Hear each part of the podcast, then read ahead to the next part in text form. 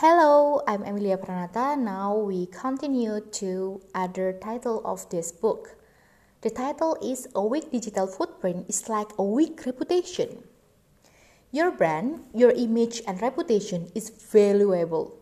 That's why you need to take charge of building and nurturing it.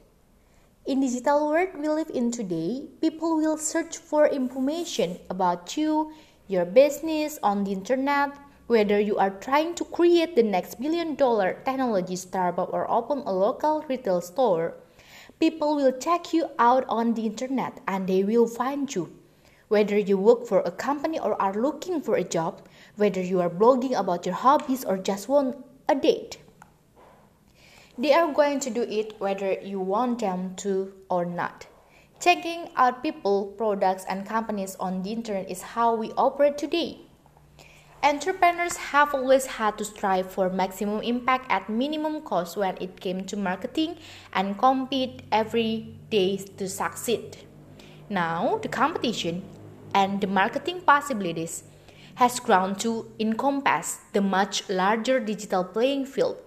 Without breakthrough branding, you won't be able to compete as well as other people.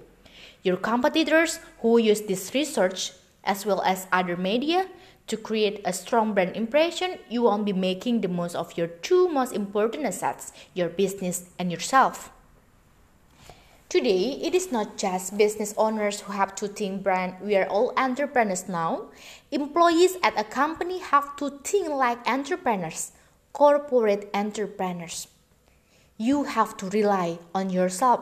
Be innovative to stay at the front of the curve and demonstrate your value every day to succeed. No one can rely on long term employment or a pension.